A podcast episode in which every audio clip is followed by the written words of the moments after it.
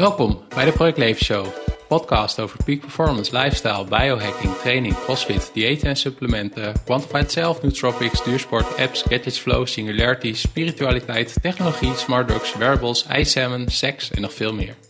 Mijn naam is Peter Joost. In deze podcastaflevering spreken we met Kai Droog, personal trainer en fitness expert. De show notes kun je vinden op www.projectleven.nl slash. En guidroog schrijf je aan elkaar. Zoals je gaat merken hebben we het gesprek opgenomen via Skype, dus de geluidskwaliteit is iets minder dan je van mij gewend bent. Maar gelukkig heb ik met Guy al afgesproken dat we ook nog een keer een ronde 2 gaan opnemen in het echt. Tijdens dit gesprek gaan we het hebben over fitness, krachttraining, voeding, over hoe ik mijn laatste buikvet kan verliezen, over afvallen. Maar we hebben het ook over succesboeken, omgaan met tegenslag, hoe kijkt hij aan tegen de dood, wat is het geheim van goed ondernemerschap, etc. En oh ja, vooraf vroeg Guy aan mij van of het erg is dat er gevloekt wordt op de podcast. En ik zei van dat het niet erg is zolang het functioneel is. Nou, of het functioneel is, dat laat ik aan jou om te beoordelen. Maar ik vond het in ieder geval een ontzettend leuk gesprek. Voordat we verder gaan, nog een paar dienstmededelingen. Ga naar projectleven.nl slash podcast voor een overzicht van alle podcastafleveringen. En daar kun je ook de show notes vinden van deze aflevering. Als je deze podcast aan het luisteren bent in je favoriete podcast app, vergeet je dan niet te abonneren op de Project Leven Show. Wil je echt niks missen van de podcastafleveringen, de blogartikelen, de lezingen en presentaties die ik geef, de vlogs die ik maak, de biohacking meetups die ik organiseer en de Super Lifestyle Summit? Ga dan naar projectleven.nl, want daar kun je inschrijven voor mijn wekelijkse nieuwsbrief en kun je een overzicht vinden van al mijn social media kanalen, waaronder Facebook en Instagram. Het maken van deze podcast vind ik echt fantastisch om te doen. En jij kan ook je steentje bijdragen aan de Project Leven Show. Ga daarvoor naar patreon.com slash projectleven. En Patreon schrijf je met P-A-T-R-E-O-N. Op Patreon kun je aangeven hoeveel euro per maand je kan missen voor de Project Leven Show. Dat kan zijn 1 euro per maand of 3,15 euro. En 3,15 euro is de prijs van 1 tol cappuccino bij de Starbucks. Je krijgt er ook nog leuke dingen voor. Denk bijvoorbeeld aan uitgeschreven transcripties van podcastinterviews, voor- en nagesprekken met podcastgasten, video's die ik maak alleen voor Patreon, een aankondiging van komende podcastgasten en de mogelijkheid om vragen in te sturen. En af en toe publiceer ik een concepthoofdstuk van mijn nieuwe boek. Check daarom na het luisteren van deze podcastaflevering patreon.com slash projectleven. Anyway, here we go. Vandaag in de uh, Project Leven zo de gast uh, Guy Droog. Of is het Guy Droog? Uh, het, is, het is Guy, bij voorkeur Guy. Ja. Bij voorkeur Guy. En kun je, jezelf, kun je jezelf kort introduceren, Guy? ik ben dus, dus Guy Droog. Ondanks dat de meeste mensen Guy Droog zeggen, is het Guy Droog. Ik ben blogger op guydroog.com online coach. Samen met mijn, uh, mijn coaches hebben wij Team Droog, Michael Servino, Fian Teken. Uh, daarnaast ben ik samen met Doan Teken, uh, die overigens geen familie is van, van Fidan. wij een praktijkopleiding, Perfect Performance Sport Clinics. Daar geven wij praktijkcursussen aan fysiotherapeuten en personal trainers. Maar ook gewoon de serieuze krachtsporten, de recreant. ik ben oprichter van fitzonderfabels.nl. Ondanks dat dat nu een beetje naar de achtergrond is verdwenen helaas. En daarnaast ben ik uh, een klein beetje bezig met vloggen, bloggen, social media. Ik hou me lekker bezig. Ja, inderdaad. En zoals een dag als vandaag, hoe ziet dat er in grote lijnen voor jou uit? Vandaag had ik gelukkig een rustig dagje. Ik heb een paar uur vrij kunnen maken voor, voor dit. Ik had hier erg veel zin in namelijk. Over het algemeen geef ik een stuk of uh, 6, 7 uur per dag personal training. En in de uurtjes die ik dan vrij heb tussendoor, voornamelijk in de middag, dan zit ik achter de computer mailtjes te beantwoorden, ik ben heel veel bezig met het online coaching uitbouwen. En uh, ja, ook veel bezig op social media. Ja. En uh, ja, we gaan straks nog veel hebben over eh, sport en training en voeding. En ook over ja, wat grotere thema's. Maar is er iets waarover jij heel gepassioneerd bent, waar dat mensen dat eigenlijk niet weten? Nou, dat is sinds kort dus een beetje onder de aandacht gekomen, of meer naar de voorgrond gekomen op, op, op Instagram. mijn, mijn passie, ja, passie wil ik het misschien niet noemen. Het is een uh, uit de hand gelopen hobby. Uh, dat is voor mij altijd parfum geweest. zijn de meeste mensen visueel ingesteld, visueel. En ik ben heel erg, uh, ik ga heel erg af op geur. Dat is een beetje vreemd, maar dat heb ik altijd al gehad. En zo ben ik een beetje de parfumwereld ingerold. En sinds kort ben ik met twee vrienden van mij een parfummerk begonnen. Een nieuw exclusief parfummerk. En dat komt eind maart, begin april op de markt. En dat is een beetje ja, iets waar ik passief over ben. Wat de meeste mensen tot voor kort eigenlijk helemaal geen idee over hadden. Nee, oh wat bijzonder. En uh, ja, ik heb daar echt totaal geen verstand van. maar is, wat is het voor type geur dan? Of hoe moet ik dat... Uh... in principe is uh, elke geur is eigenlijk unisex. Hè? We zijn allemaal heel erg gewend aan dames- en herengeuren tegenwoordig. maar dat is gewoon vooral marketing. Want wie bepaalt wat een mannengeur of een vrouwengeur is? Hetzelfde met, met kleuren. Vroeger zeiden mensen, ja, roze is een vrouwenkleur. Maar hè, wie bepaalt dat? Wie schrijft daar de regels voor? Uh, maar in grote lijnen is de geur, de eerste geur die wij gaan uitbrengen, is een beetje een, uh, een fris, zoete, citrusachtige geur. De overheersende noten zijn uh, citrus en vijg. Dus het is lekker fris, lekker, lekker zomerse geur. Ja, en ik kan ook een link. Is er al een website beschikbaar? Want dan kan ik ook een linkje in de show notes zetten voor mensen. ik weet niet of er veel luisteraars zijn van de Project Leven Show die ook helemaal into geuren zijn, maar ja, wie weet. Je weet het nooit. Nee, er is, nog, er is wel een website al uh, bekend. Alleen de website is nog niet online. Uh, maar de uh, merknaam heet Bedouin. Dus nomaden. Bedouinparfums.com. Het is een beetje lastig te spellen. Maar dat zal ongetwijfeld in een linkje ergens straks beschikbaar worden. Ja, ja. Nou, leuk. Hey, wat is voor jou, heb jij iets met de term peak performance? ja, Als je mij die vraag persoonlijk zou stellen, dan zou ik eerder denken vanuit het ondernemerschap dan vanuit wat waarschijnlijk voor de meeste luisteraars vanzelfsprekend zou zijn. Uh, vanuit fitness of vanuit uh, fysieke prestaties. Daar zou ik minder snel denken. Voor mij is peak performance eigenlijk vanaf het moment dat ik wakker word tot het moment dat ik ga slapen. Dat ik eigenlijk alle kleine, nou alle grote, maar ook vooral alle kleine dingen doen die je moet doen. Ik denk het, het resultaat van je succes, of het nou uh, vanuit de onderneming is of ook vanuit fitness, is continu, consistent, elke dag alle kleine dingen doen waar je eigenlijk tegenop kijkt. Ik denk als je dat weg kunt nemen, die, dat ook als mijn klein beetje tegenzin, dat je al die dagelijkse verplichtingen gewoon afrondt, elke dag je to-do-listje af kunt vinken. Zonder tegenslag, zonder tegenzin. Ik denk dat dat is voor mij persoonlijk peak performance. Als je op dat niveau kunt draaien, je kunt het langdurig doen, ja, dat, dat, is voor mij heel, brengt voor mij heel veel voldoening met zich mee ook. En, en de resultaten die je daaruit haalt zijn ook gewoon, ja, uit ervaring kan ik zeggen dat die uh, verbluffend zijn. Ja, want wat is dat, wat zijn de dingen dan in jouw dagelijks leven die je toch gewoon doet, maar niet zoveel zin in hebt? Ondanks dat ik best wel een sociaal persoon ben, ik hou, ik hou van, van praten met mensen, uh, zeker over, over leuke onderwerpen. Um, daarom vind ik dit ook leuk om te doen.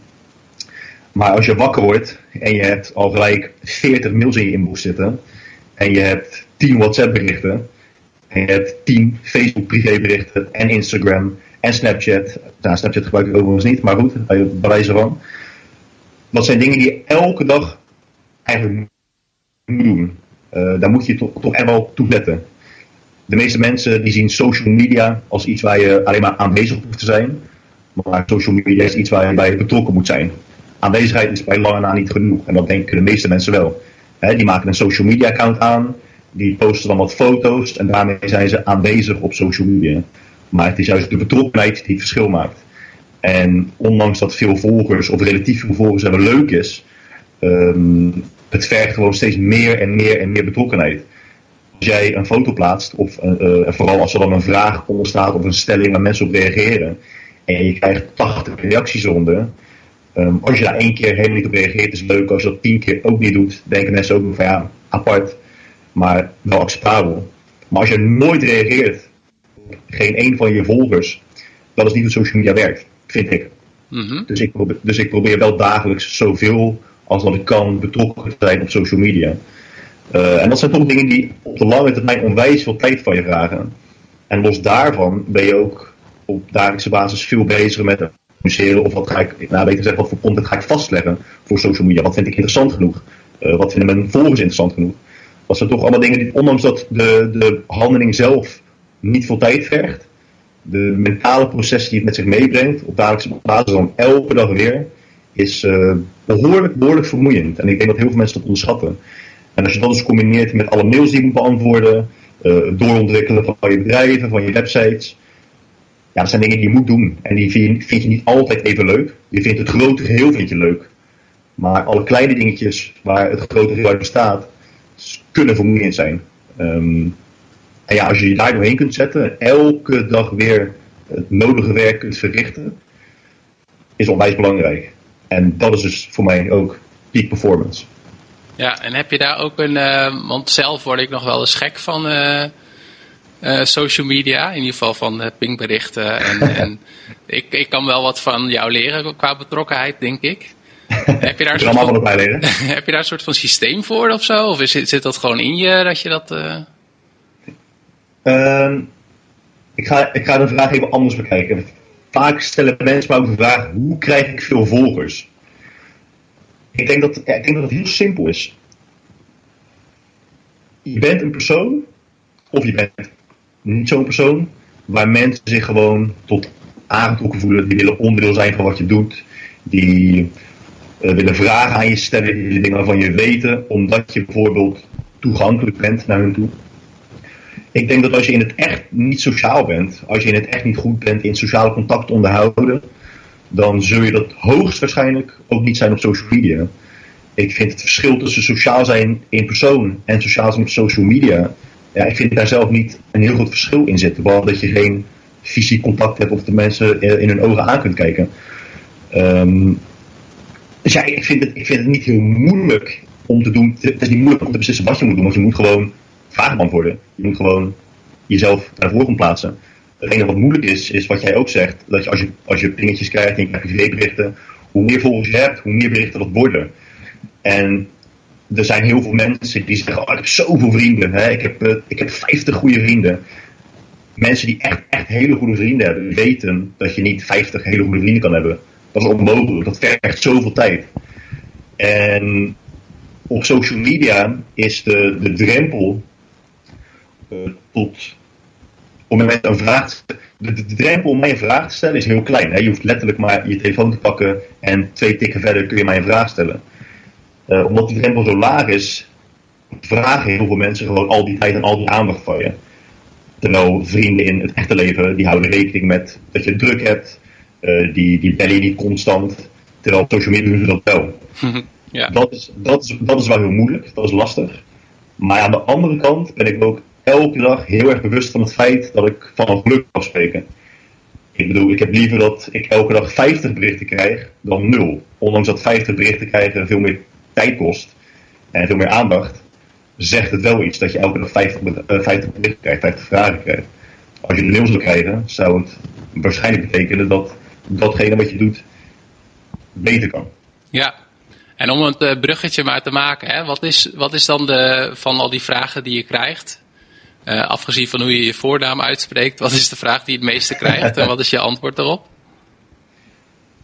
Oeh, um, ja, dat is een goeie. Ja, het, het, het, is, de vraag die ik het meeste krijg is helemaal niet, geen leuke vraag. Maar ja, omdat ik toch gewoon de vraag die jij stelt moet beantwoorden. De vraag die ik nog steeds het meeste krijgt, en dat, is, dat was tien jaar geleden zo, en dat is over tien jaar nog steeds zo, is altijd, hoe val ik het beste af? Hoe kom ik het beste aan? Mag ik dit? Mag ik dat? Is dit goed voor je? Is dat goed voor je? Dat zijn nog steeds de vragen die je, ja, die krijg je zo goed als altijd. En het maakt niet uit hoeveel content je produceert, hoeveel video's je maakt, hoeveel podcasts je doet, hoeveel interviews je doet, hoeveel video's je, je opneemt uh, over de betreffende onderwerpen.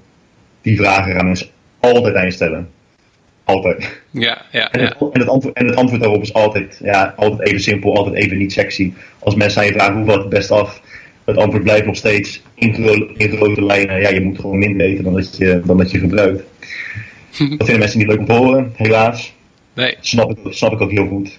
Maar dat blijft wel de crux van het verhaal. En als je in meer detail wilt treden, dan moet je ook veel meer informatie krijgen van, van de persoon in kwestie voordat je daar een goed antwoord op kunt geven. Ja, ja. Ja, dat is ook heel erg in de lijn met, uh, met de podcast die ik ook met Jelmer de Boer had. Uh, aflevering 21 was dat inderdaad. En die heeft er natuurlijk ook een boek over geschreven met een prikkelende titel. Ja. En een hele, hele goede eerste bedankpagina ook. Heb je Ja. die gezien? Ja, die heb ik wel gezien, ja. ja. Want hoe, eh, hoe ziet eigenlijk het eh, pad eruit waarop je hebt ontwikkeld tot waar je nu bent? Want ik heb ook in, de, eh, in het voor- of nagesprek met Chi, dus aflevering 10 van Chivo. eh, jij hebt daar toch ook een opleiding gedaan? Of hoe zit dat precies? Of ik een opleiding bij Chi heb gedaan. Ja. Ik heb één cursus, één, één cursus, dus niet echt een opleiding. Ah, Alleen een, een heb- cursusdag gevolgd. Heb je wel veel indruk op hem gemaakt, te zien. Oh, dat, dat wist ik niet, daar ben ik me niet van bewust, maar ik vind het wel erg leuk om te horen. ja. We hebben ook eh, samen een artikel geschreven over eh, afvallen door je hormonen in balans te brengen. Ja. Dus ik heb wel. eh, en daarnaast is het idee van Fit zonder fabels was oorspronkelijk van, van Chi en van mij. Dus ik heb wel een, een goed verleden met, met Chi, absoluut. Ja, ja. En hoe is het... ehm, ehm, dus hoe, zie- hoe, ziet, hoe, is, hoe zag dat pad er verder uit tot waar je nu bent? Heb je, zijn er bepaalde momenten geweest die daarin bepalend zijn? Of opleidingen of andere gebeurtenissen? Hoe gedetailleerd wil je het hebben? Nou, doe eerst maar op grote lijnen en dan vraag ik wel door als ik eh, meer wil weten. In grote lijnen, nou ja, ehm, goed, het is wel een, een, een, lange, een lang stuk geweest. Want ik wil eigenlijk zien. Van kind af aan wilde ik al sportschool-eigenaar worden. Dat was altijd mijn grote, fantastische droom. Eigenaar worden van een sportschool. Maar goed, ik wist destijds natuurlijk niet wat allemaal achter zat.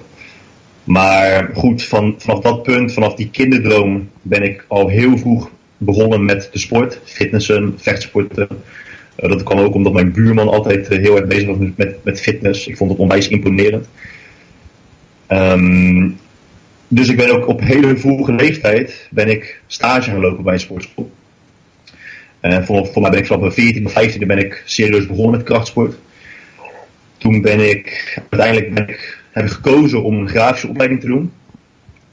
Uh, en destijds leerde ik dus heel goed omgaan met het web. Dus blogs maken, websites maken, logootjes maken, dat soort dingen. Dat gaf mij een hele goede mogelijkheid om als hobby naast het grafisch vormgeven een blog te starten. Was voor mij een paar minuten werk. En voor de meeste mensen is dat al een hele uh, hoge drempel natuurlijk. Want ja, je, moet een website hebben tegenwoordig. En dat kost voor de meeste mensen geld, dat kost tijd, dat kunnen ze niet. Dus dan denken ze, ja, laat maar zitten. Ik kon het zelf. Dus ik kon op, uh, in 2009, 2010 ben ik toen mijn blog begonnen. Als hobby. Ik dacht, nou, leuk om daar over te schrijven. Ik vond dat mensen die destijds over fitness spraken, dat veel te serieus deden. Iedereen deed alsof het... Uh, alsof ze professionele bodybuilder waren. En ik dacht, misschien is het wel leuk om een beetje in jippie taal met een goede dosis humor over het onderwerp te, schrijven. Nou, dat deed ik en dat liep ja, boven gemiddeld goed eigenlijk. En, en, veel beter dan ik in de eerste instantie had verwacht. Veel, veel geschreven. En van bloggen kwam online coaching. Dat was destijds in Amerika heel erg opkomst. Hier deed volgens mij helemaal niemand dat. Toen plaatste ik een Facebook bericht met: Hey jongens, luister, ik wil online coaching proberen. Ik geef een gratis online coaching traject van drie maanden aan tien mensen. Uh, nou, daar kreeg ik zo verschrikkelijk veel aanmeldingen voor dat ik dacht van echt, holy shit, dit, dit is gewoon echt een grote rat in de markt. Um, daarmee begonnen. Ja, en de rest is gewoon geschiedenis. Van online coaching kwam toen, kwam toen personal training. En ja, toen liep het gewoon, toen liep het heel snel, liep het storm. En nu klinkt het alsof, alsof ik een van de velen ben die denkt, ik ga wat schrijven.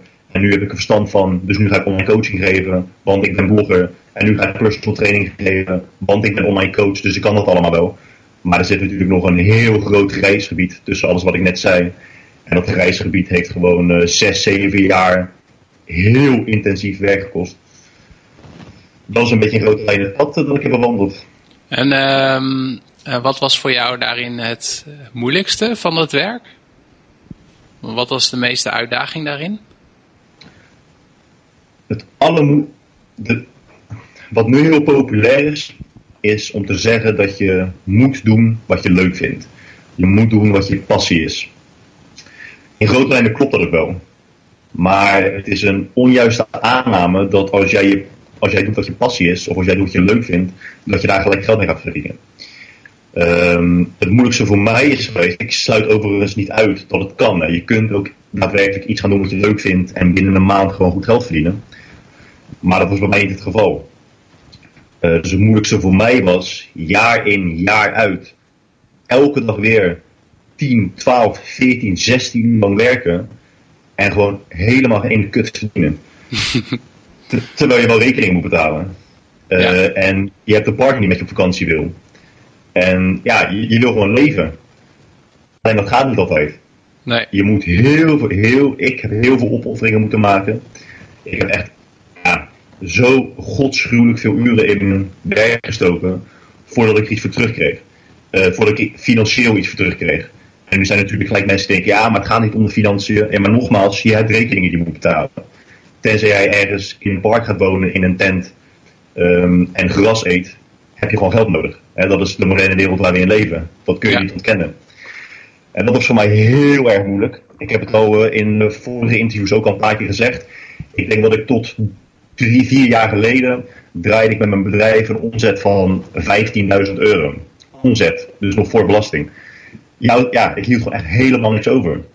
En hoe ik al die jaren heb overleefd is voor me nog steeds soms een raadsel. Ik heb wel tussentijds uh, ben ik weer in dienst gegaan op een gegeven moment. Voor een maand of zeven volgens mij. Omdat het gewoon echt niet anders kon. Uh, ik heb ook nog tijdelijk modellenwerk gedaan. Dat heeft me ook wel heel vaak uit de brand geholpen. Maar ondanks dat ik wel deed wat ik leuk vond, ik vond het ook echt heel leuk. Want ik vind het gewoon waanzinnig leuk om elke dag te werken aan een bedrijf dat voor mij is. Want je kunt de ideeën die je hebt, kun je direct uitwerken. Je kunt alles testen wat je wilt testen. Dat kan binnen een bedrijf kan het zo goed als nooit. Je moet altijd weer door twintig afdelingen heen gerold, eh, gerold worden. Je moet toestemming krijgen van tien mensen die boven je staan. Nou, daar, daar kan ik echt verschrikkelijk slecht tegen. Dus ondanks dat ik wel deed wat ik leuk vond, ja, ik heb er terug. Wel aandacht en likes en berichtjes en waardering. Dat helpt je dan wel echt op de been. Maar ik heb wel heel vaak momenten dat ik dacht van ja, ik kap er gewoon mee. Want ik haal er gewoon niks uit. Ik kan er gewoon niet van leven. Ja, want jij zegt wel van het was af en toe wel moeilijk om dat, uh, om dat vertrouwen te houden. Of was dat, had je altijd wel. Ik ben wel gewoon benieuwd naar hoe dat voor jou was, die periode. Wat ik, wat ik in het begin al zei, je moet jezelf ertoe zetten om elke dag het werk te verrichten. Ja. En um, als je daar al niets voor, of tenminste niet zoveel voor terugkrijgt als wat je zou willen, of als dat je letterlijk nodig hebt om te kunnen overleven, ja. dan wordt dat nodige werk verrichten elke dag weer gewoon heel erg moeilijk. Um, en hoe je daar dan doorheen komt, is in mijn geval dan wel geweest dat ik het wel erg leuk vond. En dat ik wel altijd deed, ook wat nodig was, in die zin dat ik dus er tijdelijk voor koos om weer in dienst te treden. Want op, op een gegeven moment moet je de realiteit van de situatie wel onder ogen zien. En zeggen van, ja oké, okay, als ik nu dit blijf doen. Ik heb op een gegeven moment, heb ik, heb ik, had ik het zo slecht. Ik was, ik was vrij goede grafisch vormgever, vond ik. Ik, deed niet af aan, aan heel veel anderen die zichzelf nu aanbieden als grafisch vormgever. Maar op een gegeven moment was het gewoon zo slecht dat ik um, de website Fiverr. Ja, ja, ja. Daar maak ik zelf ook veel gebruik van. ja, er zitten, er, zitten, nou, dus, er zitten best wel goede dienstverleners op. En ik denk dat uh, toen ik erop zat, dat uh, er best wel wat mensen waren die geluk hadden met mij. Want ik bood mijn logo-ontwerpdiensten dus aan voor 5 dollar per logo. En dan gaat 1, 1 dollar daarvan gaat dan naar Fiverr. Dus hou je 4 dollar over voor een logo maken. Waar je dus gewoon um, als serieus professional 1000 euro voor kunt rekenen. Mm -hmm. Maar op een, moment, op een gegeven moment ging het gewoon financieel zo slecht dat ik heel de dag door alleen maar logo's aan het maken was voor 4 dollar. Heel de dag door. Ja. Ik heb al, altijd gedaan wat nodig was. Altijd. Uh, of het nou was websites kopen en verkopen, domeinnamen kopen en verkopen. En dat, dat is ook uiteindelijk waar het op neerkomt. Je moet elke dag doen wat nodig is. Ja. Altijd. Ja. En uh, zoals ik je nu hoor, is zeg maar financieel zeg maar nu niet het, uh, het, het, de uitdaging om het zo maar te zeggen. Wat zie jij nee. voor jou en je bedrijf en de dingen die je doet als, als, ja, als uitdaging voor de komende jaren? Ik moet je eerlijk zeggen dat mensen vragen me ook vaak van wie vind jij je concurrent, wie is je competitie. Ja, ik, ik hou me eerlijk gezegd gewoon helemaal niet bezig met wat anderen doen. Ik vind het niet zo heel interessant. Um, wat de markt doet vind ik ook niet heel erg boeiend eigenlijk. Ja, dat klinkt, klinkt stom, maar ik vind het gewoon belangrijk dat ik, bezig, dat ik me bezig hou met wat ik wil doen, met wat ik leuk vind. Wat ik uit wil dragen, wat ik uitdraag, wat ik wil uitdragen. Um, maar daarnaast hou ik me dus ook niet zo heel erg bezig met een één jaar plan, vijf jaar plan, tien jaar plan. Helemaal niet. Nee. Ik, uh, mijn vorm van succes is elke dag wakker worden en doen wat ik wil doen. Uh, en dat doe ik nu, elke dag. En dat werkt ook echt zijn vruchten af. Um, wat ik wel als uitdaging zie voor mezelf, is ondanks dat ik tevreden ben wil ik wel altijd meer. En dan bedoel ik niet, en dan bedoel ik niet meer, meer geld of meer volgers, want dat vind ik ehm, soms nogal oppervlakkige doelen die mensen hebben. Ik, ik stel altijd mijn algehele visie stel ik bij. Want alles wendt en alles schaalt. Om toch maar even een financieel voorbeeld te noemen. stel je voor, je, je, ik zat dus op het punt dat ik 15.000 euro omzet per jaar had. Uh, op een gegeven moment hebben we nog zoiets van, nou, ik zou toch wel heel graag willen dat ik gewoon 2000 euro per maand verdien. Hè? Dat ik in ieder geval iets, iets kan. Maar zodra je dat verdient, dan wil je weer meer. Omdat als je 2000 verdient, ga je naar leven. En dan schaalt alles mee. Uh, maar hetzelfde is ook met bijvoorbeeld online coaching. In het begin had ik zoiets van, nou, het lijkt me wel leuk om 10 mensen online coaching te geven. Alleen dan merk je toch zoiets van, nou, het is best wel bevredigend werk in die zin dat mensen er iets aan hebben. Dus dan ga je denken, oké, maar wat als ik nou 20 mensen online coaching geef elke maand? Dan help ik twee keer zoveel mensen aan hun doelen, eh, met hun doelen bereiken. En dan coach je de 20 en dan denk je, ja, maar 30 is ook wel leuk. En dan heb je de 30 en dan denk je, nu kan ik het niet meer aan, dus nu heb ik, er een, coach, heb ik een extra coach nodig. Ja, zo gaat het maar altijd door en door en door en door en door. Maar dat is voor mij ook heel het proces wat zo, wat zo leuk is. Ik kan me niet voorstellen, ik vind het sowieso een hele unieke eigenschap, om het maar even zacht uit te drukken, dat er dus best wel veel mensen zijn die op een punt komen en dat ze zeggen, nou, ik vind het eigenlijk wel goed. Ja. Wat ik, bedoel? ik, vind dat een beetje, ik vind dat een, beetje een uh, aparte, aparte eigenschap, omdat het komt op mij over als van, oké, dit is het eindpunt, ik vind het nu goed, en nu ga ik de rest van mijn 60, 70-jarige leven ga ik, uh, cruise ik gewoon rustig aan door. En dan, uh, en dan is het afgelopen. Ja, ja. Nou, ik, zit er, ja, ik zit er zelf soms ook wel een beetje mee hoor. Met beide kanten. Dus aan de ene kant denk ik van het is heel menselijk om altijd wel meer te willen. Want ik heb het zelf bijvoorbeeld ook inderdaad met uh, bezoekersaantallen of dat soort dingetjes. En ik denk dat het heel goed is. Maakt ons ook wel mens om te blijven groeien en te blijven ontwikkelen. Mhm. Maar af en toe dan ja, komt, komt, komt het bij mij ook, uh, staat het me ook een beetje tegen. En Mark Mensen heeft er ook een boek over geschreven. Um, daar had ik het ook. Uh, en die heeft ook een artikel over geschreven, The Disease of More. En die geeft inderdaad dus wel een soort van mm. tegengeluid van, uh, ja, het is ook soms goed om met sommige dingen ook tevreden te zijn, omdat je... Ja, ja ik denk, ik ben wel, wat ik zei, ik ben wel heel erg tevreden met wat ik heb. Tevreden ja. met wat ik heb bereikt. Ja, ik ben, ik ben, ik ben, op, nee, ik ben niet tevreden, dat slaat nergens op. Ik ben oprecht fucking gelukkig. Elke dag weer. Maar toch weer meer. Ja, precies. Ja. Maar ik, ik snap ook wel wat je bedoelt. Want het, zorgt ook wel voor uh, rusteloosheid. En ja, dat is het woord dat ik zocht, ja. Ja, je, ja, je, ja, je hebt toch altijd dat, dat rusteloze gevoel van het moet beter, het moet meer, het moet groter. Ik denk alleen dat de meeste mensen zich neerleggen bij het idee dat ze het toch niet kunnen. Dus dan doen ze het ook niet.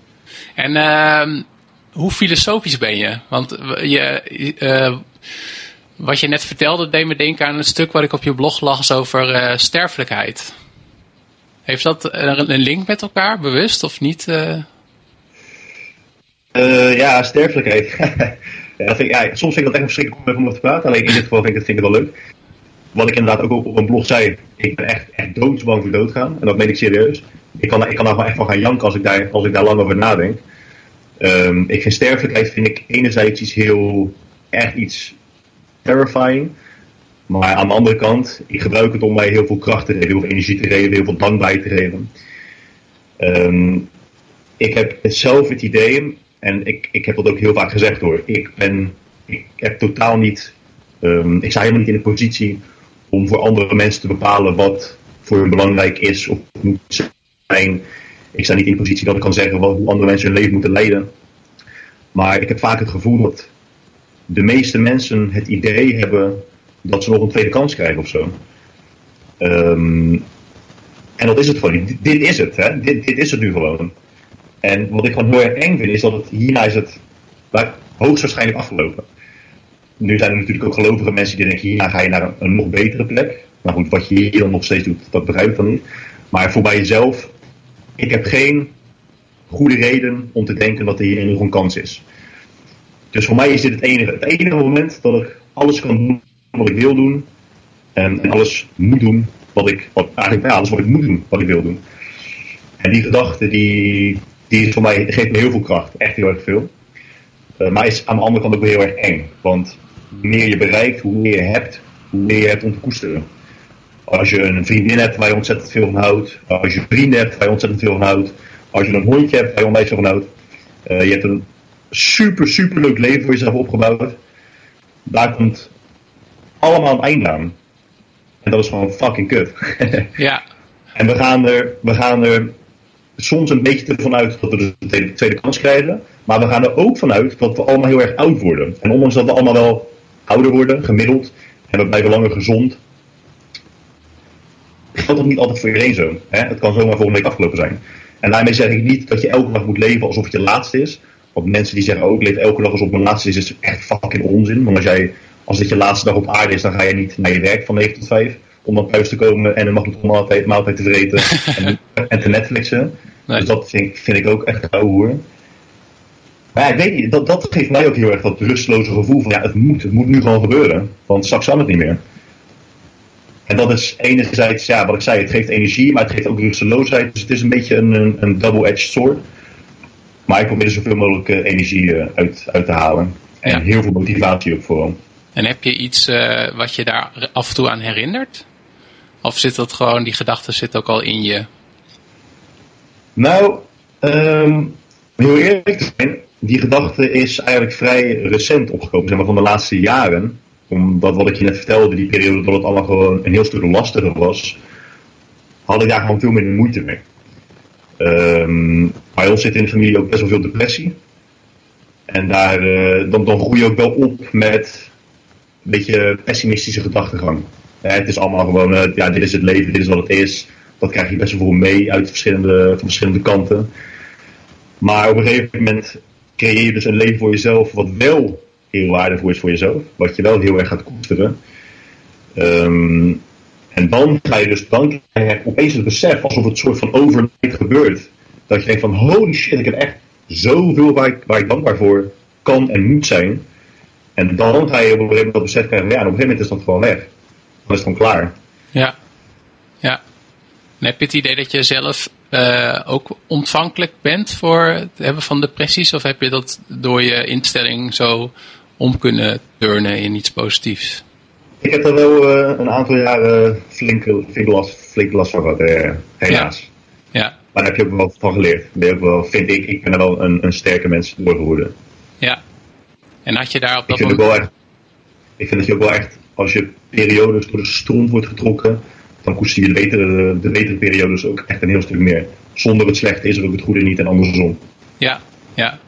Nee, dat is ook wel een inzicht die ik zelf de laatste tijd heb. Van, uh, en die kwam ook aan bod in een eerdere podcast, bijvoorbeeld met Casper van der Meulen over. Uh, en Chi, trouwens ook de aflevering met Chi, dat we het ook hadden over het belang van negatieve emoties. Dat je, ja. dat je heel veel de, uh, is in eerste instantie de neiging hebt van, joh, als het allemaal goed is en ik ben alleen nog maar blij, dan, dan is het uh, leven in orde. Maar je hebt ook wel eigenlijk die, ja, soms ook die dalen nodig, om het zo maar te zeggen. Ja, ja ik denk gelijk aan twee soorten personen, als je dit zo zegt. Wat ik zelf de, de minst fijne mensen vind om in de buurt hebben, zijn mensen die van jongs af aan alles krijgen. Die krijgen alles. Die hoeven letterlijk helemaal niks te doen. Die zijn gewoon echt tot aan de rand toe zijn ze gewoon verwend. Ik denk dat de meeste mensen het er wel mee eens zijn dat dat geen prettige mensen zijn. Je ziet bij dat soort mensen dat zodra zij tegenslag ervaren, dan gedragen ze zich ook vaak als een kind. Dat zijn echt van die, van die verwende nesten die gaan dan janken of die geven op bij de eerste de beste tegenslag. Dat is voor mij een, een heel groot bewijs, heel duidelijk bewijs dat tegenslag nodig is in het leven. En aan de andere kant heb je ook de social media generatie, die met een roze bril opleeft en doet alsof alles altijd goed is. Weet je wel? Wij hebben, wij hebben nooit tegenslag waar alles is goed. Oh, het regent, oh, dat maakt niet uit, want oh, het is allemaal, allemaal geweldig. Uh, na de regen is er zonneschijn, weet je, die, die mentaliteit. Dat is ook, vind ik, geen goede instelling. Je moet tegenslag en negativiteit moet je gewoon erkennen. Niet ontkennen. Dat doen heel veel mensen. Die ontkennen negativiteit. Nee, het is, allemaal goed, het is allemaal goed, het is allemaal goed. Ik vind juist dat zodra er negatieve situaties uh, in het leven zijn, dat je die dus moet erkennen wat net zei. En dan moet je gewoon keihard doorheen gaan. Um, maar ook hetzelfde met de goede momenten in het leven. Zodra die er zijn, moet je echt zo verdomd goed realiseren dat je, dat je er daar dankbaar voor moet zijn. Ja. Zo, ja. zo sta ik er een beetje. Ja, en zelf vind ik dat laatste soms nog wel lastig. Die dankbaarheid. Van, uh, ja, want dan, dan, dan, dan komt wel vaak dat mechanisme bij mij in ieder geval voor. Van nou, dan heb je inderdaad iets bereikt. Waar je op dat moment wel even, ben ik daar kort dankbaar voor. Maar dan denk ik, oh ja, ik moet gelijk wat door. Want uh, naar het volgende. Ja, in, in, jouw geval, in jouw situatie. Ik kan me heel goed voorstellen dat jij, jij bent filosofisch ingesteld. Je vindt het heel erg interessant mensen waar jij misschien respect voor hebt. Of mensen waar jij interesse in hebt. Dat je, heel, dat je heel erg leuk vindt om te kijken hoe zij over bepaalde dingen denken. Uh, kijken of je daar raakvlakken mee hebt. Uh, kijken hoe zij anders denken dan jij ook. Want ik denk dat je ook iemand bent die heel erg open staat voor feedback. En je eigen visie een beetje bijstellen. Ik denk dat jij zo bent. Um, en ik denk dat je over de jaren heen, uh, tijdens je jeugd, dat je daar niet echt een, een, een voor had. Maar nu op deze leeftijd heb je een podcast. Ja. En dan praat je dus elke keer met mensen waar je heel graag mee wil praten. Ja. Dus alleen, alleen dat simpele feit al moet voor jou al zoveel dankbaarheid creëren. Gewoon puur omdat je dit kan doen. Je doet nu gewoon wat je leuk vindt. Ja. En ik denk dat je, dat er daarnaast ook heel veel van leert. Ja, ja nee, dat sowieso, ja. Dus ja, ja dat is, dat is, dat is voor mij leuk toch? er zijn heel veel mensen die precies willen doen wat jij doet. Maar die doen het gewoon niet. Want dan zeg ik, ik kan het niet. Of als ik chief vraag, of als ik jammer vraag, zeggen ze toch nee. dus waarom zou ik het doen? Maar jij doet het gewoon. Je stuurt een mailtje en je krijgt een ja. En nu zit je weer met iemand te praten waar je denkt, ja, daar wil ik wel een aantal vragen aan stellen. Ja, klopt ja. ja. Ja, en uh, voordat ik inderdaad ging beginnen was heel vaak het stemmetje in mijn hoofd van ja, wie ben ik nou eigenlijk om dit te doen? En uh, zitten mensen wel op mij te wachten? En wat als er, als er nou tegenvalt? En uh, dat hele Maar, ja, maar dat hou je ook altijd. Dat houdt je ook scherp. Ja. Op het moment dat je denkt, ik kan het allemaal wel, ik doe het wel even. Dan verlies je denk ik ook. Dan verlies je ook de kracht die je beter kan maken. Ja, ja, precies. Ja. En um, uh, ik ben ook wel gewoon weer benieuwd naar de nitty gritty van, uh, uh, van de personal training. cool. Want ik ben wel benieuwd, wat is je, ik heb veel podcastgasten gehad die ook specifiek binnen Nederland in ieder geval bezig zijn met CrossFit. Nolan Mooney, Leroy Nade, Noël Brandt, et cetera. Wat is jouw mening over CrossFit? Mijn mening over CrossFit? Ik ben in ieder geval heel erg blij dat de hype voor mij is. Uh, tot een jaar of drie geleden was CrossFit echt een hype. En ik vind dat um, fashion of mode is lachen om dingen die, die, in het verleden de mode waren, terwijl je in het nu klakkeloos alles maar volgt. Weet je, dat is een beetje wat fashion is, dat is een beetje wat mode is. Dat is ook met bijvoorbeeld de CrossFit hype geweest. Dan, dat zijn mensen die dan klakkeloos meegaan met de nieuwe hype, maar dan tegelijkertijd lachen om het feit dat mensen klakkeloos meegaan met hypes. Dus ik ben heel blij dat die fase voorbij is. Mensen die nu CrossFit gaan doen, doen het in ieder geval niet meer omdat het zo erg een mode-item is geweest. Is en blijft CrossFit iets wat heel veel complexe bewegingen met zich meeneemt. Als ik één op één met een cliënt bezig ben, is een squat aanleren al best wel lastig. Of een deadlift. Het is een moeilijke beweging. En om dat één op één over te brengen aan iemand die daar helemaal niet ervaren uh, in is, mee is, is gewoon lastig. Met CrossFit vertiendubbel je dat gewoon. Dan sta je vaak in je eentje. Ik zeg niet dat dat altijd zo is, maar dat gebeurt wel heel vaak. Dat er één of twee trainers staan met 10, 20 man. En dan gaan ze vervolgens iedereen op de klok laten snatchen. Of laten cleanen. Wat vaak nog complexer is. Ik denk dat dat wel. Het is geen probleem, maar het is wel riskant. Mm -hmm. Maar dat is ook niet erg. Ik bedoel, heel veel mensen die bekritiseren CrossFit omdat het riskant is. Maar MMA is ook riskant. En ik zie niet mensen op fora uh, blaren naar de UFC van hé, hey, zijn jullie achterlijk geworden? Je gaat mensen niet op elkaar in laten rammen. Dat doet ook niemand. Met CrossFit dat ook. CrossFit is gewoon een sport. En je moet het niet vergelijken met fitness of met dit of met dat. CrossFit is gewoon CrossFit. En dat is, CrossFit heeft bepaalde regels en bepaalde dingen die ze doen. En dat is gewoon wat het is. En als je dat niet leuk vindt, dan ga je anders doen. Ja. Um, maar in de algemene zin ben ik wel tegenwoordig voorstander van CrossFit. Als het in een goede box is, dus met een goede, goede coach, die weet wat hij doet, die ook wel begrijpt dat het riskant is en het risico altijd probeert te minimaliseren. En de reden dat ik er een voorstander van ben, is gewoon omdat het beter is dan niks doen. Ja, als iemand moet kiezen tussen op de bank zitten of crossfitten, dan moet ze absoluut van crossfitten. Ik vind dat mensen moeten altijd gewoon een sport kiezen die het meest bij ze past. En als CrossFit hetgeen is wat ze in beweging krijgt, more power to you. Ja. En hoe ziet jouw routine eruit? Doe jij, want volgens mij doe jij wel veel powerliften, of is dat... Uh... nou, ik ben de laatste anderhalf jaar, het laatste anderhalf jaar ben ik eigenlijk nogal gestopt met, uh, met krachtsport.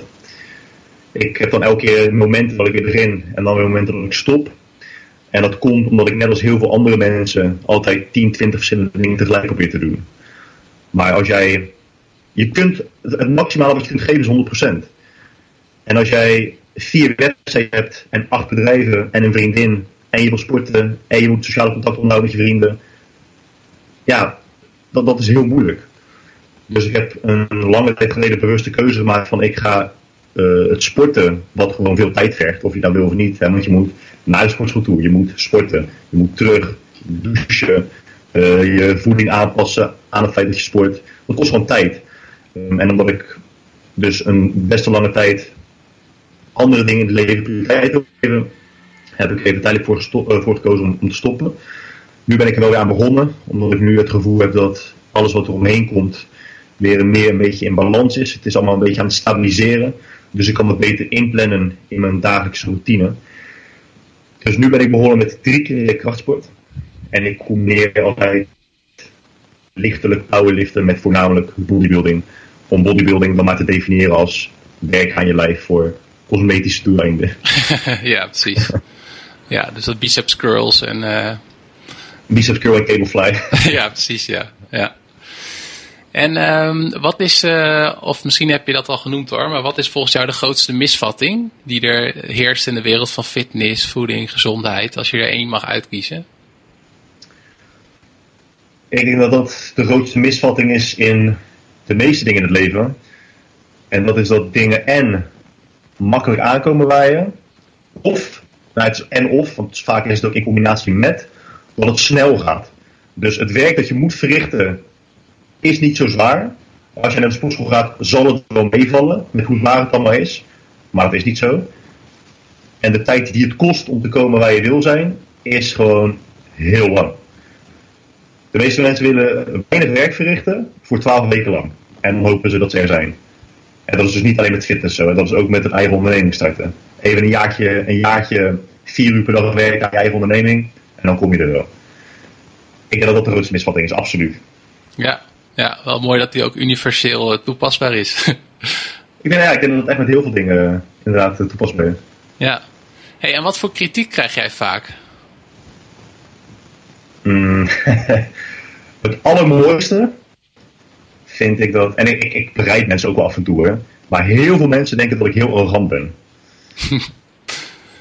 en, ik denk dat heel veel mensen, heel veel mensen definiëren, nou laat ik het anders zeggen, mijn definitie van arrogantie en volgens mij is dat gewoon ook de officiële definitie, is dat je vindt dat je boven anderen staat. Dat je beter bent dan anderen. Nou goed, iemand die mij echt kent weet dat dat echt verre van de waarheid is. Alleen ik denk dat mensen vaak zelfvertrouwen of zelfverzekerdheid verwarren met arrogantie. De meeste mensen zijn van nature heel erg onzeker. En als ze dan iemand zien die dat minder is dan zij, want vergis je niet, ik heb ook absoluut mijn enorme onzekerheden. En ik ervaar nog steeds dagelijks onzekerheid. Maar als ze zien dat er mensen zijn die minder onzeker zijn dan dat zij zijn, dan zeggen ze vaak, oh, wat ben jij arrogant. Maar het mooie is dan wel dat als ze me in het echt spreken, of als ze hun mening baseren over mij op meer dan alleen foto's en tien regels tekst onder mijn foto's, zeggen ze vaak, oh, je bent echt een heel stuk minder arrogant dan ik dacht. ja. En daar moet ik altijd, daar moet ik altijd wel om lachen. En verder, ja, verder eigenlijk niet zo heel veel. In het begin wel heel erg hoor. In het, in het begin bestond mijn carrière eigenlijk alleen maar uit reageren op kritiek. En om dus nog terug te komen op een van je eerdere vragen, is waar, wat voor mij zo onwijs moeilijk was. Bijna alles wat wij nu als, als feiten beschouwen. Dus je hoeft niet tien keer per dag te eten. Je hoeft niet bang te zijn dat als je s'avonds laat eet. Uh, hoef je niet bang te zijn dat je dik wordt. De meeste mensen weten dat inmiddels. Toen ik in 2010 begon, wist bijna niemand dat. Dus als jij een foto plaatste van dat jij om 8 uur s'avonds nog at, nou, dan werden mensen helemaal gek. Als jij zei dat je drie keer op de dag at, of als jij zei dat je niet ontdeed. Maar, maar ik overdrijf niet eens. Mensen werden helemaal gestoord. Die dachten echt dat jij, dat jij, ja, dat jij de drugs zat. Dan zeiden ze van, hoe kon je nou personal trainer zijn, hoe kon je nou coach zijn, hoe kon je nou je eigen blog hebben. Je, je, je, je weet totaal niet waar je het over hebt. Iedereen eet zeven keer per dag. Iedereen eet acht keer per dag. Arnold Schwarzenegger zei ook altijd dat je ontbijt de belangrijkste maaltijd van de dag was. Ik heb echt slapeloze, slapeloze nachten gehad van hoeveel kritiek die ik destijds kreeg. Want je ging echt tegen, het, uh, tegen de general belief van Ja. het merendeel van de mensen. Ja, dat, dat, dat, vond ik, dat vond ik toen altijd heel erg lastig. Maar gelukkig is dat nu allemaal wel wat minder. En kritiek krijg je altijd. Je hebt altijd mensen die je, die je vervelend vinden, die je haten. Ik ken mensen in persoon die je dan gaan ontvolgen op Instagram. Omdat ze moe van je worden. Ja, prima, weet je wel. Ja, ja ik, ik lig daar niet meer wakker van. Ik denk dat de grootste fout die je kan maken met bezig zijn op social media uh, of je personal brand ontwikkelen, is dat je je druk gaat maken om uh, of iedereen je wel mag. Want je kan nooit een situatie creëren dat iedereen je mag. Want dan moet je dus zo'n politieke correcte, politiek correcte ja, sufkut moet je dan worden. je zal altijd, als je jezelf bent, zul je altijd iemand in het harnas jagen. Altijd. Maar de mensen die jij wel aanspreekt door, jou, uh, door jouw uh, uitspraken, hè? mijn uitspraken waren soms wel controversieel. Mensen die, die zich daar wel in kunnen vinden, die worden grotere fan van je dan mensen die fan van je worden, hè, tussen aanhalingstekens fans, die fan van je worden omdat je altijd heel, heel erg algemeen bent. Je kunt wel tegen iemand zeggen van, um, jongens, uit onderzoek is gebleken dat jij niet acht maaltijden per dag hoeft te eten en dat vier ook voldoet. Je kunt op die manier communiceren naar buiten toe. En er zijn mensen die zich daarin kunnen vinden, maar dan kunnen ze zich vooral, dan sluiten ze zich aan op de uitspraken die je maakt. Maar als jij dezelfde uitspraak doet, maar daar ook heel veel persoonlijkheid in stopt. Dus hè, lekker, een beetje, lekker een beetje lekker een beetje tegen mensen zeggen dat ze niet zo in de jaren tachtig moeten blijven hangen met hun, met hun, uh, een, een achterhouden gedachten. Als je zo communiceert, wat ik altijd deed, dan krijg je mensen die jou echt leuk vinden. En dat zijn fans die je over tien jaar nog steeds spreekt. En als je dus dat eerste voorbeeld gebruikt, wat de meeste mensen doen, ja, dan ben je een van velen. Ja. En dan krijg je minder kritiek, absoluut, maar ook minder hele, hele loyale volgers. En ik denk dat loyaliteit op lange termijn echt essentieel is. En misschien nog wel een persoonlijke vraag, maar je zei van ja, dat veel mensen hebben in eerste instantie de indruk dat je arrogant bent, maar jij hebt ook je onzekerheden. Wat is zo'n onzekerheid? Ja. Ik heb heel vaak uh, twijfels of ik, nou, wat jij ook net zei, van ben ik wel goed genoeg, doe ik het wel goed genoeg. Um, ja, wat je dus hebt, kijk, ik, en nogmaals, ik snap het ook. Mensen zijn heel erg gevoelig voor vermaak. We leven in een tijd, en dat wordt steeds erger, dat de aandachtspan van mensen alleen maar afneemt en meer afneemt en meer afneemt. Daar waar je drie jaar geleden nog een artikel kon schrijven van 5000 woorden, hebben nu mensen al heel erg vermoeid met een video van 5 minuten. Um, dus je ziet ook, als ik een foto plaats van sushi, dan krijg je gewoon 1000 likes. En als je dan een keer denkt van, nou, weet je wat, ik ga nu echt mijn best doen. Ik ga echt mijn best doen om, om, om hart en ziel te stoppen in iets wat ik schrijf. In de hoop dat ik daar dus echt heel veel mensen mee kan helpen. krijg je 100 likes. En of we het nou willen of niet, we verbinden likes toch soort van een beetje met succes. Ja. Als, als ik, als ik mijn, mijn rationele brein gebruik, weet ik dat ik dat niet moet doen. Want je kunt, je, kunt, je kunt ook zeggen, ja, duizend mensen die sushi leuk vinden, is veel minder van belang zijn, veel minder uh, impact kunnen uitoefenen dan 100 mensen die dat artikel die je schrijft leuk vinden. Hè? Die 100 mensen zijn in dit voorbeeld veel meer van belang dan duizend mensen die die stomme sushi foto leuk vinden. Maar toch denk je dan heel vaak van ja, weet je, vinden mensen het wel interessant? Ik heb nu voor mij 15.000 volgers op, op Instagram. En ik van ja, wat, wat willen ze nou? Ik blijf wel altijd mezelf, hè, vergeet niet. Ik denk, ik, ik beredeneer en ik genereer mijn content vanuit wat mijn volgers willen. Ik doe het altijd vanuit wat ik zelf wil bespreken. Maar toch heb je daar wel heel vaak je vraagtekens bij. Vinden ze het wel leuk? Doe ik het voor iets? Vinden ze me niet vervelend? Ja. Maar als, als ik mezelf al betrap, dan denk ik altijd van kijk, kijk waar je tot nu toe, uh, wat je tot nu toe hebt bereikt, kijk, kijk waar je bent gekomen. En dat is allemaal door datgene wat ik nu nog steeds doe. Dus ik ga ook niet van dat van afwijken. Nee, nee. En uh, ik heb nog een aantal vragen die ik eigenlijk aan elke gast uh, stel. Is er een bepaalde avontuur of een bepaalde reis die jou heel erg heeft gevormd? Mag ik nog even terugkomen op je vorige vraag? Ja. Wat ook een onzekerheid is, en dat is ook al best wel lang zo geweest, maar dat is, sinds kort is dat er wel uit. Er zijn heel veel slimme mensen in de fitnessindustrie. Fucking slim. Neem Chi bijvoorbeeld. Hè. Chi is echt een wandelende, wandelende encyclopedie. ja. ik, weet nog een keer dat ik aan Chi vroeg van, hé maar Chi, maar wat doe jij nou als je iets niet weet? En toen zei hij, nou dan vraag ik het gewoon aan mijn vriendin. als, als een vrouwen weten natuurlijk altijd wel alles. Maar mensen als Chi kunnen je best wel onzeker maken. En Chi en Menno weten zo onwijs veel, dat je gaat denken van, ja, weet ik wel genoeg? Alleen, dat is een fout die veel mensen maken, en daar heb ik mezelf een tijd terug op betrapt, is ja, een paar jaar terug inmiddels wel, is je hoeft niet het meeste te weten van iedereen. Je hoeft niet eens zoveel mogelijk te weten. Je moet gewoon genoeg weten om heel veel mensen te kunnen helpen. En je moet ook genoeg weten om in te zien dat je zelf eigenlijk nog helemaal niks weet. En dus ook open staat voor nieuwe informatie, voor nieuwe inzichten. Um, hoe, uh, Neil deGrasse Tyson. Ja, van Cosmos. Ja, van Cosmos. Hij zei laatst, wat zei hij nou? Hij zei, mensen willen genoeg weten om het idee te hebben dat ze weten waar ze het over hebben. Maar ze willen niet genoeg weten om voldoende, zelf voldoende zelf zo, zelfkennis te hebben dat ze zich kunnen realiseren dat ze ernaast zitten. Zoiets zei hij. Ah, oké. En toen dacht ik, dat is wel een goeie. Hè? Dat, is, dat is inderdaad wel een goeie. Dat is inderdaad mensen die net even genoeg weten, die net even een wedstrijd hebben gedaan of iets, net genoeg weten om andere mensen informatie te kunnen geven.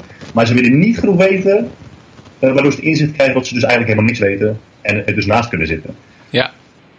En ik vind dus dat je moet meer dan genoeg weten om heel veel mensen te kunnen helpen, maar je moet ook heel goed begrijpen dat je ernaast kan zitten en waardoor je dus open staat voor, voor nieuwe inzichten, nieuwe informatie. En dat heeft mij dus heel erg onzeker gehouden. Totdat ik dacht van, weet je, ik weet genoeg, ik heb mijn eigen krachten, Chiefs eigen krachten, focus je, daar, focus je daarop en breng dat naar buiten. Ja, ja. Oh, dat is wel een mooie les, ook in aansluiting op het, in het begin van ons, uh, ons gesprek. Dus ook al focus op de sterke punten, maar ook wel een soort van ja, nederigheid. Of ja, even een ander woord van uh, dat je ook weet wat je niet kan. Ja. Ja, ja, ja, absoluut. Ik denk dat, ja, zeker weten. Alleen daar moet je je focussen. Je moet je, je moet je realiseren wat je niet kan. Want dat is een belangrijk onderdeel van, van zelfkennis. En dat is, een, dat is weer belangrijk voor de besluiten die je tijdens je gehele carrière maakt. Maar de meeste mensen houden zich te veel bezig met hun, hun slechte kant. De laatste set vragen. Zullen we die doen? Super. Dus snel gaan we er al doorheen. Ja, zeker. Is er een uh, uh, ja, avontuur of reis die jou het eigenlijk, waarvan je zegt van die heeft mij eigenlijk wel het meest gevormd? Een avontuur of een reis? Je, daar, je bedoelt daar niet letterlijk een reis mee, toch? Gewoon een, uh, nou, het is wel hoe jij het interpreteert. Het mag voor mij ook inderdaad je reis naar, ik noem maar wat, Spanje zijn. Of... mijn reis naar Benidorm. ja, precies. naar Centerparks. Nee, um, nee, nee. Weet je, ik zie, ik zie, ik, ik ben nog steeds bezig met, met die reis. Uh, de reis zelf is, ja, het klinkt super, super corny. maar, maar, maar, de reis zelf is juist hetgene waar ik elke dag weer van leer. Ja. Ik denk, ik, zei, ik had het er laatst ook in een video over, dat, dat mensen zien het allemaal te veel als aan-uitknop in plaats van een volumeknop. Daar denken mensen in, in, over het algemeen continu in. Alles is een aan-uitknop, weet je wel? Je gaat naar de sportschool, je zet die aanknop aan, bam, dus je wordt gespierd. Je gaat naar de KTK, je zet die aanknop aan, dus bam, je wordt succesvol. Um, maar het, is, het hele leven is, is, is een continue volumeknop die je aan blijft draaien. Want het is een volumeknop zonder, zonder eind ook. Hè. Het is, je, je blijft hem aandraaien. Het is elke dag leer je een heel klein beetje meer. Je ontwikkelt jezelf elke dag door. Met slechte periodes, met goede periodes. Van alles kun je iets leren. Van elk gesprek die je voert kun je iets leren. Um, en die dagelijkse reis die ik nu dus maak, is iets waar ik ja, altijd van leer. Ik weet, vandaag weet ik meer dan gisteren en morgen weet ik meer dan vandaag. Na ons gesprek krijg ik weer nieuwe inzichten waar ik dan weer van leer. Um, je merkt dat je, ik merk dat ik dit interview doe ik beter dan het vorige. Hè? En de volgende zal ik ook weer beter doen dan deze. Alles wat je steeds vaker doet, leer weer van. Ja, ja, dat is echt met alles zo. Met alles. Elke PT-sessie die ik geef, merk ik weer dingen op waarvan ik zeg, oh, dat had ik tot nu toe nog nooit eerder gezien. En um, hoe, ziet, uh, hoe zien de eerste 60 minuten er in, uh, in de regel uit als, nadat je wakker bent geworden? Ja, mijn ochtendroutine is wel, wel vrij strak altijd. Uh, over het algemeen staat de wekker of om half acht of om half negen. Um, en heel veel mensen zijn dan zo, wat slaap jij uit? Ja, ik ga gewoon laat naar bed, weet je wel. dus ik slaap, ik slaap gewoon net zo lang of misschien minder dan wat de meeste mensen slapen. Maar ik word wakker, dan kijk ik altijd even snel naar mijn telefoon. Um, en niet omdat ik zo verslaafd ben dat ik gelijk mijn telefoon als eerste moet pakken. tot die irritatie van mijn vriendin uh, af en toe trouwens wel. Want die is natuurlijk liever dat ik eerst naar haar kijk voordat ik naar mijn telefoon kijk.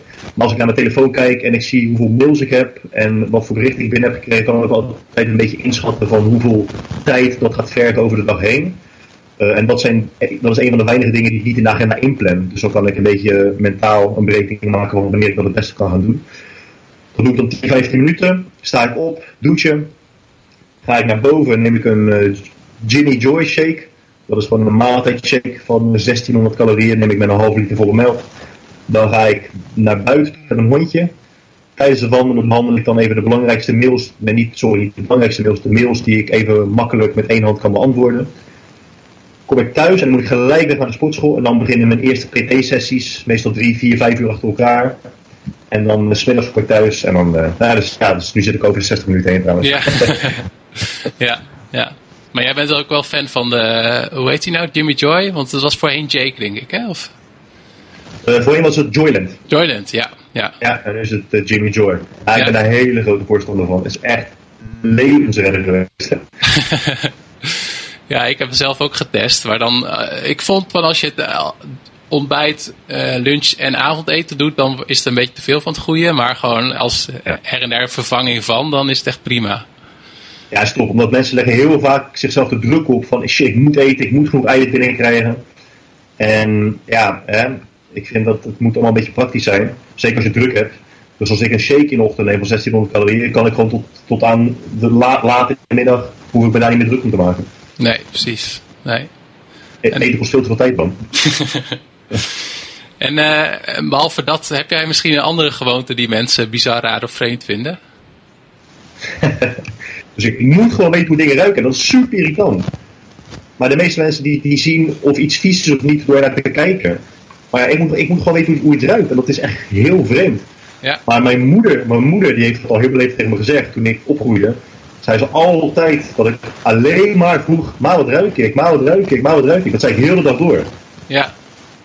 En het is niet dat ik een of andere bizarre, bizarre neus heb. Hè. Ik, ben geen, ik kan geen sommelier of zo. Ik, als ik aan een wijn ruik, ruik ik gewoon wijn. ja. Ja, nou, dus bijzonder. Dat, dat, is wel een, vreemde, een vreemde gewoonte, ja. En ik heb ook, de meeste mensen hebben daar geen last van, ik ben heel slecht in dingen uitstellen. Dus als, als ik een gesprek heb met iemand en we hebben het over iets, weet niet precies wat het is, of weet allebei niet precies wat het is. De meeste mensen zeggen, ah joh, weet je wel, whatever. Of die ik kijk er vanavond naar. Maar je moet het echt gelijk opzoeken, anders word ik gewoon, ja, dan word ik gewoon gestrest. ja. ja, gelijk mee dealen, gelijk uh, oplossen, gelijk, uh, ja. Ja, ik kan heel slecht tegen gaten. Ja. En uh, je noemde al dat je vroeger sportschool-eigenaar wilde worden. Hoe, hoe oud was je toen? Was er nog iets anders wat je graag wilde worden? Uh, nou, ik wilde of fysiotherapeut worden of, of sportschool-eigenaar. Fysiotherapeut op iets latere leeftijd. En sportschool-eigenaar was echt wel in groep 7. Wat is je favoriete boek en waarom? Oeh, zo, ik heb best wel wat afgelezen in mijn leven. Dan, dit is eigenlijk een vraag die uh, waar ik over na had moeten denken toen ik hem had gelezen. PDF. Uh, mag ik er ook twee noemen dan? Ja, dat is ook goed. Ja. Ik denk Musashi. Van, voel wat is de auteur? A.G. Kuchiwara of zo. Oh, ja. Ik ken hem niet, maar ik zal hem in ieder geval bij de show notes uh, zetten. Hij is geschreven door Eiji Yoshikawa. Oké. Okay. Ik heb sowieso een beetje een onverklaarbare liefde voor Japanse cultuur. Ik denk dat dat, dat een beetje te maken heeft met hun eh, work ethic en de discipline die ze vaak op kunnen brengen. Japanners zijn over het algemeen zo van dat als ze aan iets beginnen, aan hun werk, dan is, dat gewoon, is het gewoon logisch dat je dat tot je tachtigste blijft doen omdat, ja, omdat je gewoon moet werken, omdat je het gewoon moet doen. Ja, doe de work. Daar kan ik ja, doe de work, ja. En dat is echt in tegenstelling tot de fucking Nederlandse mentaliteit, maar goed, dat terzijde. um, dat boek is onwijs mooi, omdat het, het is een, uh, uh, Musashi is een van de bekendste samurai uit de geschiedenis. En het boek beschrijft op best wel romantische wijze, geromantiseerde wijze, uh, zijn leven. En dat is onwijs mooi, want het beschrijft heel erg de, omgeving waar hij zich in verkeert en kleuren en geuren en gesprekken die ze voeren. Vind ik echt een onwijs mooi boek. Het is wel een, pittige, pittige stukjes van mij duizend pagina's in kleine letters. Maar onwijs mooi, echt waar. Hm. En The Alchemist vind ik ook echt een mooi boek. Van Paulo Coelho, of, eh, toch? Ja, is top, top dat jij het zegt, want ik was alweer onderweg. vind ik ook een heel mooi boek, omdat het heel erg strookt met mijn eigen mentaliteit. Ja, ik heb het er net over gehad en het blijft zo, zo afgezaagd, maar dat, dat het maakt niet uit waar je vandaan komt of waar je staat. Je moet wel iets vinden waar je tevreden over moet zijn. En ik vind dat je niet geluk altijd moet zoeken bij externe factoren. Je moet niet. De meeste mensen hebben de instelling van als ik meer geld verdien, dan ben ik gelukkig. Als ik een beter lichaam heb, dan ben ik gelukkig. Als ik meer volgers heb, dan ben ik gelukkig. Uh, en die constante zoektocht is juist wat je ongelukkig maakt, omdat je altijd een nieuwe leegte probeert op te vullen. En daarmee bestaat het gevaar dat als jij uiteindelijk na 30 jaar op dat punt staat waar je altijd wilde staan, dat je dan terugkijkt en dan dat je denkt van fuck, hè, mijn geluk die was gewoon, was daar altijd al. Ja. En dat is een beetje waar de Alchemist over gaat. En ik vind die, die boodschap vind ik waanzinnig mooi. Ja. En de Alchemist lees je ook lekker snel uit. Dat is voor veel mensen ook een plus. dus, dus die twee boeken zijn voor mij aanraders. En het is wel grappig, want mijn, mijn absolute voorkeur als het gaat om lezen of dingen kijken is altijd non-fictie. Maar er zijn wel twee boeken die best wel fictief zijn, uh, zijn, zijn geschreven. Ja, ja. Nou, leuk dat je ze daarom juist ook, uh, ook noemt. Ja. En heb je ook een favoriete film of documentaire die je mensen aanraadt om te kijken? Ja, um, film Departures. En dat is niet The Departed met Leonardo DiCaprio en uh, Jack Nicholson. Maar Departures, dat is de Engelse naam voor de Japanse titel Okuribito. En die film is echt zo ontzettend goed. Okay. Sterker nog, en dat was dan mijn, dat was dan mijn oppervlakkige kant. Als iemand die film kijkt en hij zegt nee, ik vond het niks, dan mag ik je gewoon, dan mag ik je niet als persoon. zo, zo veel hou ik van die film. Nee, die film is zo ontzettend mooi. Uh, het gaat dus, ja, gek genoeg wel over, over de dood. Uh, en de, de schoonheid die de dood met zich mee kan brengen ook. Het is wel een Japanse film. En de muziek in die film is echt de aller, allermooiste muziek die je ooit zult horen. Is voornamelijk uh, met de cello, uh, op de cello gespeeld. Maar dat is, ja, dat was zo'n mooie film. Wel behoorlijk emotioneel. Ik heb hem voor mij vier keer gekeken. Ik heb het vier keer niet, niet droog kunnen houden. ondanks, ondanks dat ik het heel erg probeerde. Ja. dat was echt, echt een hele mooie film. Echt heel mooi. Ja, nou, ik heb hem zelf nog niet gekeken, dus ik zal hem ook opnemen bij de show notes. Leuk. Opnemen bij de show notes, je moet vanavond gelijk kijken. En vanavond gelijk. hij, is goed, hij is goed te vinden online, uh, hoop ik dan. Ja, ja alleen legaal hè? Alleen legaal, uiteraard, uiteraard. Ik zal, niet, ik zal mensen niet anders adviseren op de podcast. heb je ook een uh, favoriete website, uh, blog of podcast? ja, podcast natuurlijk sowieso project Leven. Heel goed. mijn favoriete podcast is uh, wel Joe Rogan. Joe Rogan podcast luister ik wel regelmatig naar. Ja. Ik vind, ja, qua websites, ja, ik heb niet echt een website waar ik heel vaak op kom, moet ik eerlijk zeggen. Ik vind uh, Digital Marketer vind ik wel een hele sterke website. Er staat heel veel goede content op voor mensen die uh, ja, digitale marketing moeten doen. Voor hun, voor hun website, voor hun brand. En blogs lees ik niet. Lees ik blogs? Even kijken voor de zekerheid. Nee, ik lees geen blogs. Nee. nee. nee. En als er één ding is wat mensen moeten doen als ze straks klaar zijn met luisteren van deze podcast, wat je hen kan vragen, wat zou dat dan zijn? Ja, waar we het in het begin ook over hadden, realiseren dat je echt geen tweede kans krijgt. Dit, dit is het gewoon. Ja, het is zo surf, maar dit, dit is het gewoon. Hierna is er gewoon niks meer. Ja. Dus alles wat je nu wil doen, moet je nu doen. Als jij een bedrijf op wil richten, moet je dat nu doen, want straks kan het niet meer. Als er iemand is waar jij van houdt en nooit hebt gezegd, dan moet je dat tegen die persoon zeggen. Als jij je vader of moeder heel lang niet hebt gezien, terwijl je dat eigenlijk stiekem wel zou willen, dan moet je dat gewoon doen. Als er een ongemakkelijk of confronterend gesprek is die je moet voeren met je baas, omdat je misschien wel op wil stappen, dan moet je dat gewoon doen. Want mijn grootste angst is ook echt spijt hebben. Als ik over 20, 30 jaar denk van shit, had ik dat maar gedaan. De gedachte dat het dan ook echt niet meer kan, is zo vreemd. Ik vind het zo'n vreemde gedachte. Want nu, bijna alles kan gewoon nog. Als je 20, 30, 40, 50 bent zelfs. Hè? Het merendeel van wat je nu nog wel kan. Maar straks gewoon niet meer. Ja. En wat, en wat ga je dan doen? Wat, wat ga je, het is hetzelfde als tijd creëren. Hè? Of teruggaan in de tijd. Als jij tegen iemand zegt, ja, ga eens, wil jij tien jaar jonger worden? En dat iemand dan tegen zegt, ja, maar dat, maar dat kan gewoon letterlijk niet. En straks, hoe ouder je wordt, hoe meer dingen daarbij komen. Want die gewoon echt niet meer zullen kunnen. Ja, het moment is nu. Ja, dat is wel uh, de crux van het verhaal. Het moment is nu, absoluut. Ja. Hey, en uh, heb je nog uh, nabranders? Iets wat we in het gesprek hebben gemist waarvan je wel zoiets hebt van, ja, dat wil ik toch nog wel even kwijt? Nee, wat ik in het begin ook al zei voordat we begonnen, ik kan nog wel lang van stof zijn. Dus volgens mij heb ik alles wel, wel, wel gezegd, ja. Ja, en je had al gewaarschuwd dat je wel af en toe vloekt. Dus, uh, maar dan mocht als het functie functioneel is en het viel wel mee. Dus, uh, functioneel, ja, precies. Als, als het een zin een beetje kracht bij, bij dan moet het kunnen. Ja. Maar ik denk wel echt dat we alles een beetje hebben. Zo, tenminste, ik heb tot nu toe alles wel gezegd wat ik wil zeggen. Wilde zeggen, ja. Ja, ja. Ja, nee, leuk man. Wat vond jij dus van... een goede vraag stelt, hè? Ja. Wat vond jij zelf van het uh, interview? Ja, hartstikke leuk. Ik heb uh, hiervoor heb ik ook een interview gehad met iemand anders. Uh, tenminste vorige week. was het deze week? Weet ik niet meer. hij, stel, hij, stelde ook leuke vragen. Ik deed in het begin zelf ook interviews met mijn eigen blog. Ja. En toen waren dat altijd hele oppervlakkige vragen. Van hè, hoe vaak train je in de week? Hoeveel, hoe vaak eet je per dag? Wat eet je per dag? Ik vind het nu leuk dat, um, omdat alles steeds persoonlijker wordt door social media, dat mensen zoals jij ook interviews steeds persoonlijker maken. Weten dat mensen dat ook echt willen zien, willen horen. De, de echte persoon achter de persoon op de voorgrond op social media vinden mensen ook steeds leuker, steeds belangrijker. Mensen leren je zo beter kennen. Uh, misschien leren mensen op deze manier ook dat ik helemaal niet zo arrogant ben. dus ja, ik, vind, ik vond het een hartstikke leuk interview, man. Echt waar. Ja, ja, nee, ik vond het ook hartstikke leuk om te doen. En uh, ja, ik weet nu ook wat ik moet doen om een uh, laatste restje buikvet kwijt te raken.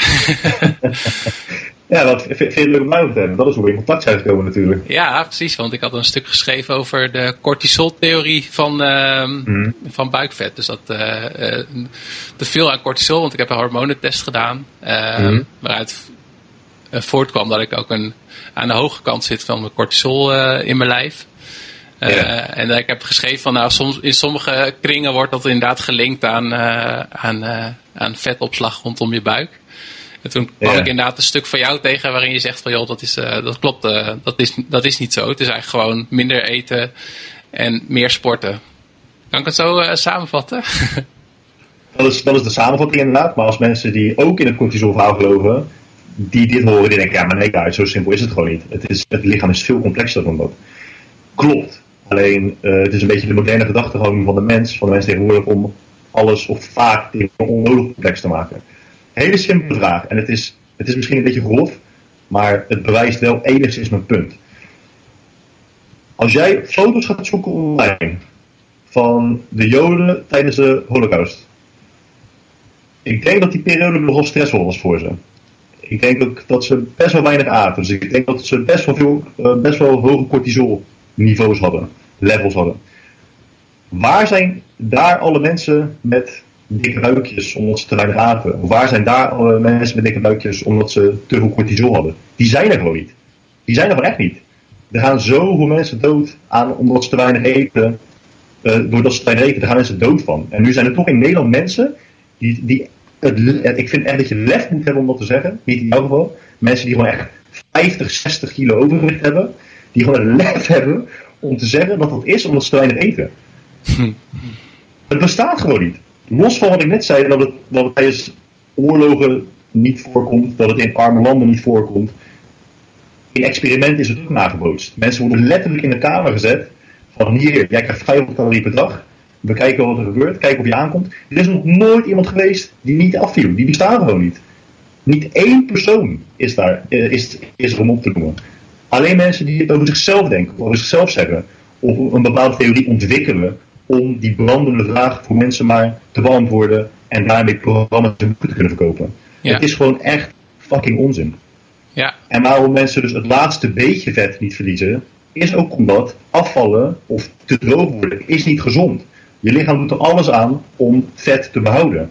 Mensen met iets meer vet worden over het algemeen ook ouder dan mensen met iets minder vet. Dus die mensen die heel te dik zijn, want je lichaam teert ook op de energie die lichaamsvet jou biedt. Of jou geeft. En het laatste beetje vet houdt je lichaam gewoon al vast. Hè? Je metabolisme die vertraagt ook wel als jij afvalt. Je metabolisme stil komt te staan, maar wordt lager, omdat je gewoon minder lichaamsmassa hebt. Dus je moet ook steeds minder eten of steeds meer gaan bewegen om vet te blijven verbranden. En dan heb je uiteindelijk ook nog, tenslotte heb je ook nog vetdistributie. En bij mannen blijft dat laatste beetje vet bijna altijd op het onderbuik en onderrug zitten. Hm. Net als dat bij vrouwen dat de hamstrings en de billen zijn. En dan zeggen mensen, ja, maar ik wil specifiek hier dit laatste beetje. Ja, dat is wel cortisol. Nee, nee, sorry. Maar dat gaat er gewoon in. Nee. En, en de, bewijslast, de bewijslast ligt nog steeds echt bij de mensen die die claims maken. En dat bewijs hebben ze gewoon niet. Nee, nee, precies. Dus uh, allemaal, uh, uh, hoe heet dat? Sit-ups doen en zo, dat helpt ook allemaal niet dat je plaatselijk vet kan verbranden. Hela, was het maar zo. Dan had ik zo, had ik zo een gruwelijke gehad. Ja, ja. Nee, ik had het toevallig gisteren ook in de podcast over. Um, er is ook een uitspraak van iemand die zegt van. Um, ja, als, als we aan informatie genoeg hadden, dan had iedereen sixpacks en een uh, dikke Ferrari. Dus dit zit ook inderdaad gewoon in de toepassing. En, ja. dat, maar ja, dat zeg je heel goed. We hebben informatie in overvloed. Alleen veel te weinig mensen die verrichten te veel werk en komen niet tot actie. Nee, nee, precies. Nou ja, wie weet, als we nog een ronde 2 interview hebben, dat ik van tevoren even mijn sixpack kan laten zien. Maar ja, dat is dan wel dat ik daarvoor misschien weer wat minder lang leef. Maar nou ja, en, en, je moet je cortisol, en je moet je cortisolniveau dan, dan verlagen eerst. Ja, precies ja. ja nou, wordt nog een hele opgave. hey, um, we hebben het al veel over social media gehad. Um, en, waar ben, en waar ben jij allemaal te vinden op internet en social media? Mijn voorkeur gaat uit naar Instagram. Daar ben ik het meest op actief. Dat is guy laagstreepje droog. -hmm. Op Facebook is dat facebook.com slash guy punt droog. Dan heb ik nog YouTube. Dat is youtube.com slash uh, ook guy.droog. Dus hetzelfde als Facebook. En dan heb ik nog een website. Dat is een beetje een verzamelwerk van alles wat ik doe. Dat is guydroog.com. Hartstikke goed. Ja, ik zal ook alle linkjes opnemen bij de, bij de show notes van het artikel. Super, voor geval dat iemand iets mist in mijn leven. Ja, precies. en uh, ja, het is trouwens wel een aanrader om jou te volgen. Ik vind jouw Instagram uh, altijd ook grappig. Dus, uh, nou ja. Dankjewel man, hartstikke bedankt. Ik vind het altijd leuk om te horen. Ja. Nou, dankjewel Guy voor dit gesprek. Jij ook hartstikke bedankt voor de goede vragen. Ik vond het heel leuk om, om te beantwoorden. En ik wens jou ook onwijs veel succes met alles wat je nog gaat doen. Ik denk dat dat helemaal goed gaat komen. Thanks man, dankjewel. You, thanks. Bedankt voor het luisteren naar de Project Leven Show. Wat ik leuk vind is als je een beoordeling of review op iTunes achterlaat. Je kan mij ook een e-mail sturen op peter.projectleven.nl Ga naar patreon.com slash projectleven om de podcast te steunen en om toegang te krijgen tot alle uitgeschreven transcripts van de interviews, audio-opnames van voor- en nagesprekken met de gasten, mogelijkheid om vragen te stellen aan komende gasten en exclusieve concepthoofdstukken van mijn nieuwe boek. Oh ja, vergeet niet om naar Project Leven te gaan voor meer informatie over mijn nieuwsbrief, mijn e-book, de biohacking meetups, de Super Lifestyle Summit, volgende podcast afleveringen en nog veel en veel meer.